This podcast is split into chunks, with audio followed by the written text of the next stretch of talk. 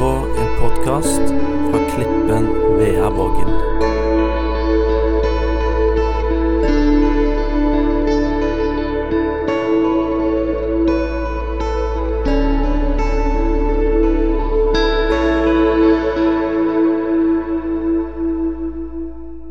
Kjære far, takk for din plan. Takk for din plan med våre liv. Takk for din plan med menigheten vår. Takk for at vi kan gå i ferdiglagte gjerninger. Og takk for at arbeid i ditt rike, far, aldri skal være forgjeves. Amen. For noen uker siden så hadde vi et partnertreff for troens bevis her på Klippen en lørdag. Og jeg var her, og så kommer Åge Dahl gående. Og så stoppet meg litt sånn eh, på vei inn døra og lurte på om jeg kunne lage et innslag til denne medarbeiderfesten som vi arrangerer den 8. oktober. Og helt ærlig, I sånne situasjoner så er det menneskelig å reagere sånn som jeg gjorde. Jeg ble litt glad, for jeg visste at søndag 8. oktober, da er jeg på hytta. Nei, sorry, Åge, det passer ikke. Jeg er vekkreist. Det går fint, sier Åge, for du kan bare lage en video og spille den inn på forhånd. Og så kan vi vise den. Litt sånn humor om det å være medarbeider i Guds rike. Ja. Takk for den. Ikke kom jeg meg unna. Og ikke var det noe lett oppgave. Å, å filme humor er Det er ikke enkelt. Altså, du, du, du skal lage noe som på en måte skal treffe et publikum som du ikke ser når du ikke er der. Så jeg begynte å ja, jeg begynte å jobbe. altså jeg, jeg, gjorde det. Begynte med å finne bibelvers om å jobbe for Gud. Og det er forholdsvis enkelt. Det står kjempemye i Bibelen om, om å være eh, Guds medarbeider. Det er det som er tittelen forresten på talen. Guds medarbeider. Så, så, det var enkelt. Finne bibelversene. Kjempegreier. Men ingen av de bibelversene var morsomme. I det store av det hele så er det ikke mange morsomme bibelvers. Det har dere sikkert erfart. Når du skal fortelle en vits, så er det sjelden du drar et bibelvers. Sånn er det. Og, og, og, sånn skal det være. Men jeg fant disse versene, skrev de ned, og så visste jeg at når jeg begynte i min nåværende jobb, så var jeg på et foredrag med noen som hadde skrevet ei bok som heter Den store boken om medarbeidere og motarbeidere. Og den, den, er litt humor. Det var et humorinnslag. Så jeg fant den boka. Morsomme bok om å være en motarbeider. Klarte ikke å koble det opp imot bibelversene mine i det hele tatt, egentlig. Så jeg hadde egentlig lagt den ballen død. Og så skjer dette. Så har jeg alle bibelversene klar. Og så kan jeg holde en andakt for dere som ikke trenger være kjempeløyen. Så det ja, litt fascinerende, egentlig, hvordan brikkene faller på plass. Tittelen altså 'Guds medarbeider'. Eh, vi begynner å lese i Lukas evangelium 10, i vers 1 og 2. Noen slår opp, og noen har den på telefon, og noen kan bare høre det går bra. Men altså Lukas 10, 1 og 2. Eh, siden utpekte Herren 72 andre og sendte dem ut foran seg, to og to, til hver by og til hvert sted han selv skulle besøke. Og han sa til dem, høsten er stor, men arbeiderne få. Be derfor høstens herre om å sende ut arbeidere for å høste inn grøden hans. Forrige helg så var vi jo i Storhall Karmøy og hadde sammenmøtene. På søndagen så snakket taleren, Sølve Salte var navnet hans, eh, om at vi som kristne hadde hver vår åkerlapp som vi skulle jobbe på. Det, det, det festa seg egentlig altså at eh, jeg har min åkerlapp, du har din åkerlapp. Eh, jobben er åkerlappen din. Skolen er åkerlappen din. Vennene dine er åkerlappen din. Og så har vi liksom Sånn som han tegnte et bilde, at hele verden er en haug med åkerlapper av varierende størrelse. Noen reiser til en åkerlapp på andre siden av Atlanterhavet. Noen har åkerlappen primært på Vea. Åkerlappen er akkurat der du er nå i livet ditt. Og åkerlappen din vil variere fra ulike tider i livet ditt. Han kan være stor for å bli mindre, for så å bli større igjen. Og Min åkerlapp den er ikke den samme som når jeg gikk på ungdomsskolen eller når jeg gikk på gymnaset eller når jeg studerte i Bergen. For nå har jeg andre kontaktpunkt. Jeg har andre folk i livet mitt. Jeg har andre rundt meg som jeg kan jobbe med når det gjelder å fortelle om Guds rike og hva Gud har gjort for dem.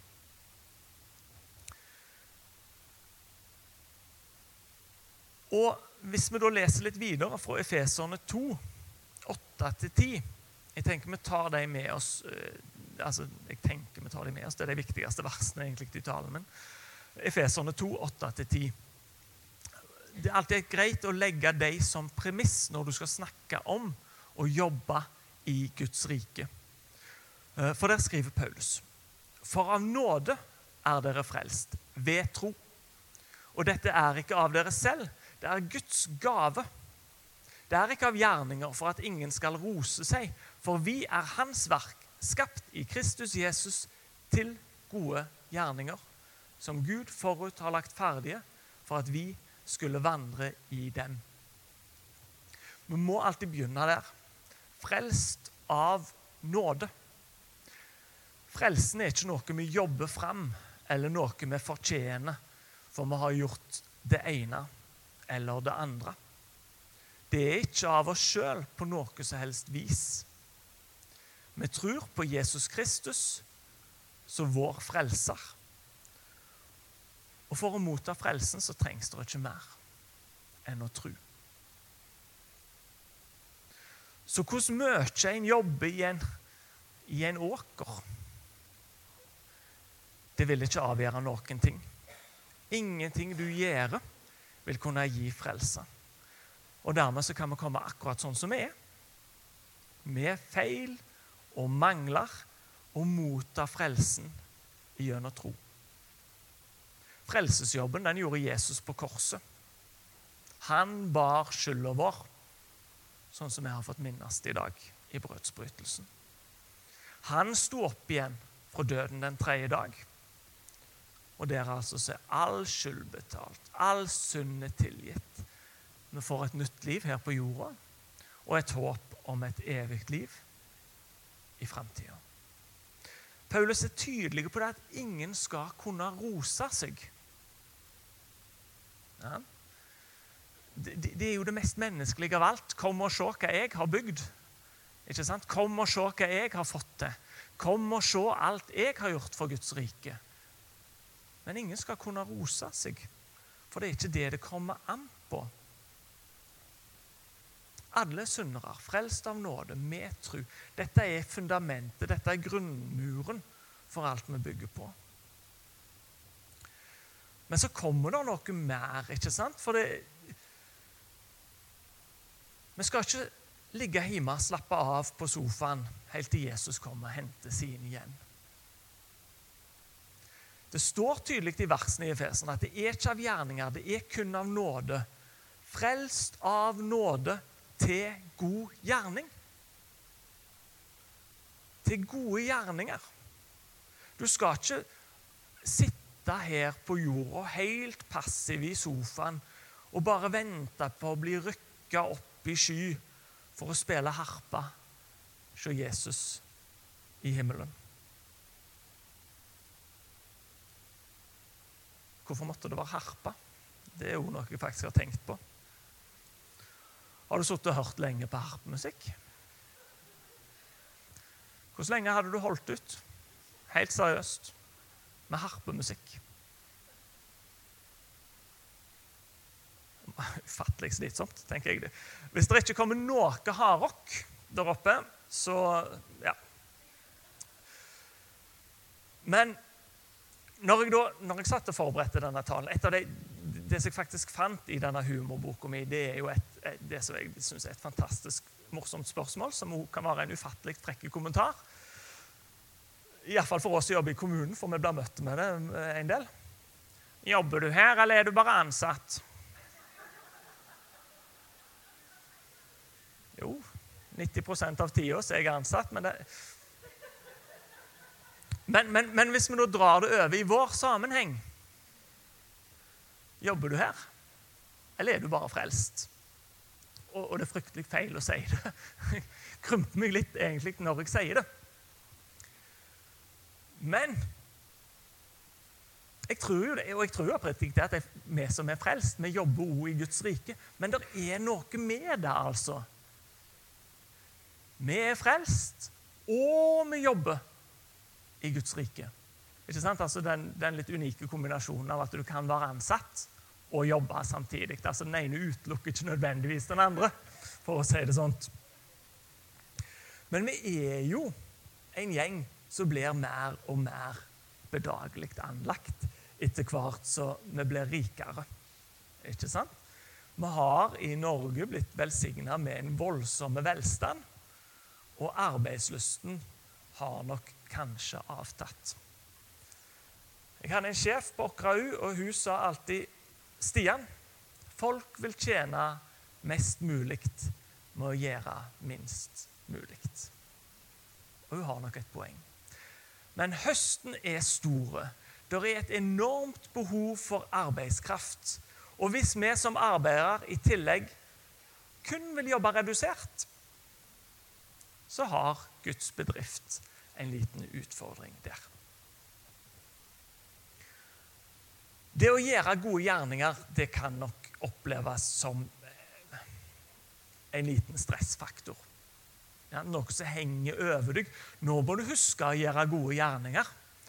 Men det står jo òg da, som Gud forut har lagt ferdige for at vi skal vandre i dem. Ferdiglagte gjerninger som vi bare da kan gå i. Gud har en plan over ditt liv, over mitt liv, og det er en betryggende tanke å ta med seg inn i dette. Dette vil kunne gi oss en slags hvile uten at det skal være en hvilepute. Og Når jeg tenker på ferdiglagte gjerninger, så av en eller annen grunn så tenker jeg på fetter Anton fra Donald Duck. Og alle dere som er her, ikke du, Sasha, du er kanskje for unge, men dere andre har, og Lilly. Men vi har lest Donald om denne plagsomme fetter Anton og Emma. Oi, jøss. Yes. Ja, ok, Nå tar jeg ikke flere. Unnskyld hvis at du er så unge at du ikke har lest Donald, og jeg ikke så at du var så unge. Men fetter Anton han gjorde aldri noe ærlig arbeid i hele sitt liv. Han bare vandra gjennom gatene på Andeby, og så kom det blåsende et flakslodd i ansiktet på han. Så vant han én million, og så kunne han ta Dolly med seg eh, til Gran Canaria allikevel. Eller så datt han ned i et hull som noen kommunearbeidere sikkert hadde gravd uten å sette sperring, og så fant han en skatt, og så fikk han 10 Dere vet hvordan det gikk. Jeg tror kanskje ikke Guds ferdiglagte gjerninger er så enkelt. Jeg tror Gud har lagt ned i deg noen tanker, noen nådegaver, noen talenter, noe som driver deg inn i de ferdiglagte gjerningene. Det er ikke sånn at Mats satte seg jeg håper ikke det er sånn, at Mats satte seg med pianoet hans Magnus en gang, og så bare plutselig så Jo, jo sier han. Han måtte gå en skole ikke sant? for å kunne bli den pianisten han er. Men det gjør at Mats i dag kan bruke pianoet inn i ferdiglagte gjerninger. F.eks. skal du på julegospelen i år. Julegospel Eiken. Det kan jo være en ferdiglagt gjerning. Julecountry heter det. Altså Alle disse mulighetene som Gud har lagt klar, som en kan vandre inn i. Det er noe med den, den vekselvirkningen der altså, som jeg syns er, er, litt spennende. Hvis vi går til apostlenes gjerninger 10.38 Apostlenes gjerninger 10, vers 38.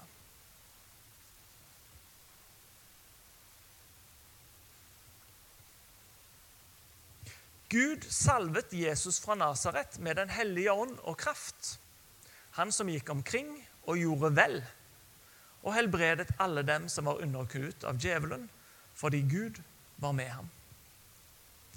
Jesus ble salva med Den hellige ånds kraft, og så gikk han rundt og gjorde vel. Det er den samme kraft som er over oss. den samme ånd vi har fått. Så dette blir jobbeskrivelsen vår. Vi har fått Den hellige ånds kraft. Ja, men gå da rundt og gjør vel.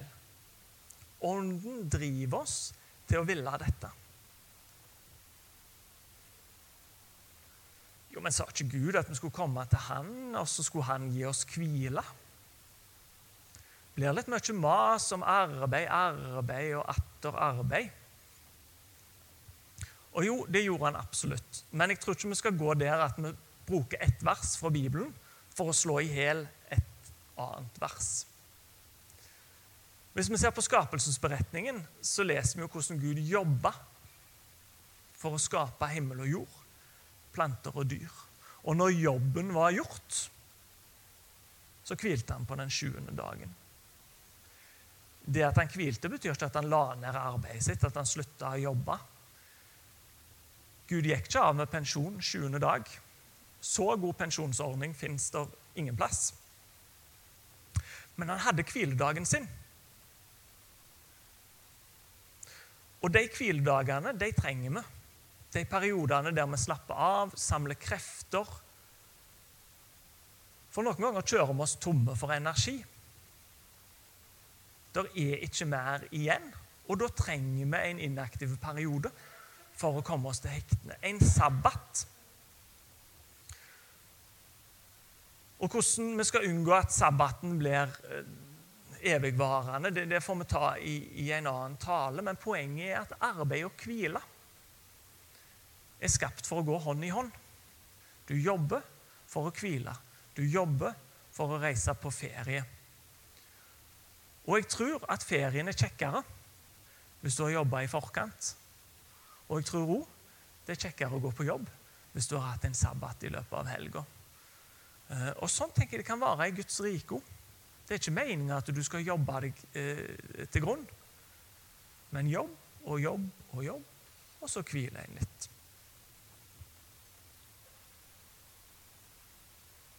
Vi skal også ta med oss 1. Korinterne 1558.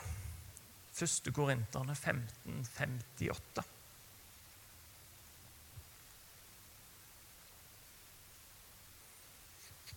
Derfor, mine elskede brødre, vær faste og urokkelige, alltid rike i Herrens gjerning, da dere vet at deres arbeid ikke er forgjeves i Herren.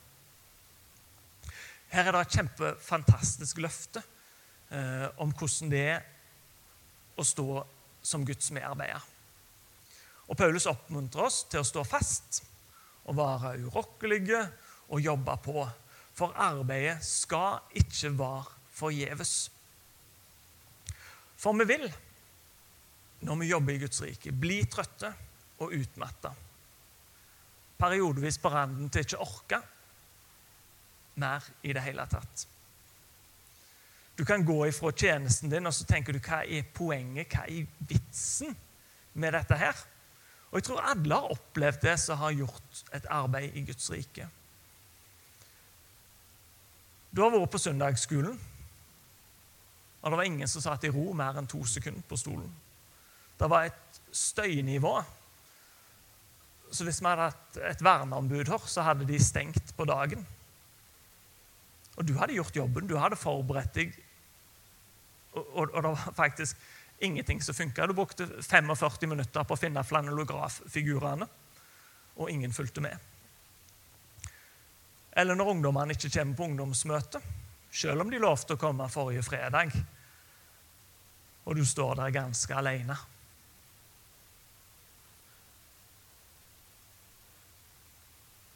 Du opplever kanskje at du får ikke noe anerkjennelse for den tjenesten du gjør. Lederskapet har ikke takka deg én gang de siste åtte årene. Og det føles ikke sant? Altså, det føles forgjeves. Alle tar det bare for gitt. Men Gud ser arbeidet, og Gud glemmer ikke. Og Gud vil takke deg og belønne deg, og det vil ikke være forgjeves. Selv om du ikke ser fruktene her, så har du et løfte om at det ikke skal være forgjeves. Jeg sitter jo i en del intervjuer. Det gjør jo jeg mye i jobben min. Ofte så spør vi søkeren om hva det er som motiverer han eller henne for å søke jobben. Og Svarene varierer mye, men det er ofte én faktor som går igjen. Jeg blir motivert av å se resultatet av arbeidet mitt. En elev som har strevd i mange år med å lese, som knekker lesekoden. Det er en sånn typiske ting som lærere snakker om. En elev som forstår matematikken på en ny måte. Eller en unge som en har jobba lenge med skal klare det sosiale, som plutselig blir invitert med i, i, i lek. Når resultatene er der, når du ser frukta av arbeidet ditt, så er det lett å stå i arbeid. Det er nok lett å lede en menighet som står i altså lett, som står i vekkelse. Et søndagsskolearbeid der det dukker opp ti nye unger hver gang. Men hvordan er det å motivere seg sjøl hvis det ikke er vekst? Hvis det er de samme ti som dukker opp på ungdomsarbeidet? Eller at du opplever faktisk en reduksjon i antallet som kommer på søndagsskole? Eller et arbeid du driver blant de eldre? Da kan du stole på at løftet i Bibelen, det vil holde. Og dukket det opp en feilmelding på skjermen min. Så jeg burde ha printa ut talen. Ja, det var tabbe. Ja, det gikk bra. Der var han. Jo, litt panikk. Stol da på løftet fra Bibelen, har jeg skrevet. Det arbeidet som du gjør for Herren, skal ikke være forgjeves aldri forgjeves. Og det var det jeg egentlig hadde funnet, så jeg tenkte jeg skulle, skulle dele med dere her. Vi har tid til ett sitat til fra, fra boken om motarbeiderne. For der stiller de spørsmålet er kontoret arbeidsplassen din eller oppholdsstedet ditt. Ja. Er jorda åkerlappen din eller er det venterommet ditt? Skal vi bruke tida på jorda eh, som en plass der vi jobber, eller skal vi sitte som i en transithall på Gardermoen og bare vente på at flyet skal ta av? Matteus 5, 13-16. Dere er jordens salt, men om saltet mister sin kraft, hva skal det saltes med? Det duger ikke lenger til noe uten til å kastes ut og tråkkes ned av menneskene. Dere er verdens lys. En by som ligger på et fjell, kan ikke skjules. Heller ikke tenner noen et lys og setter det under et kar, men i lysestaken. Da lyser det for alle som er i huset. Slik skal dere da eh, la lyset deres skinne for menneskene, så de kan se de gode gjerningene dere gjør, og prise deres Far i himmelen. Frelst av nåde, med tro, til å gjøre gode gjerninger som vi kan vandre i, for de er ferdiglagt, sånn at mennesker kan bli kjent med og se hvem Gud er, for sånn å komme til tru på Far i himmelen. Sånn tenker jeg det kan være å være Guds medarbeider.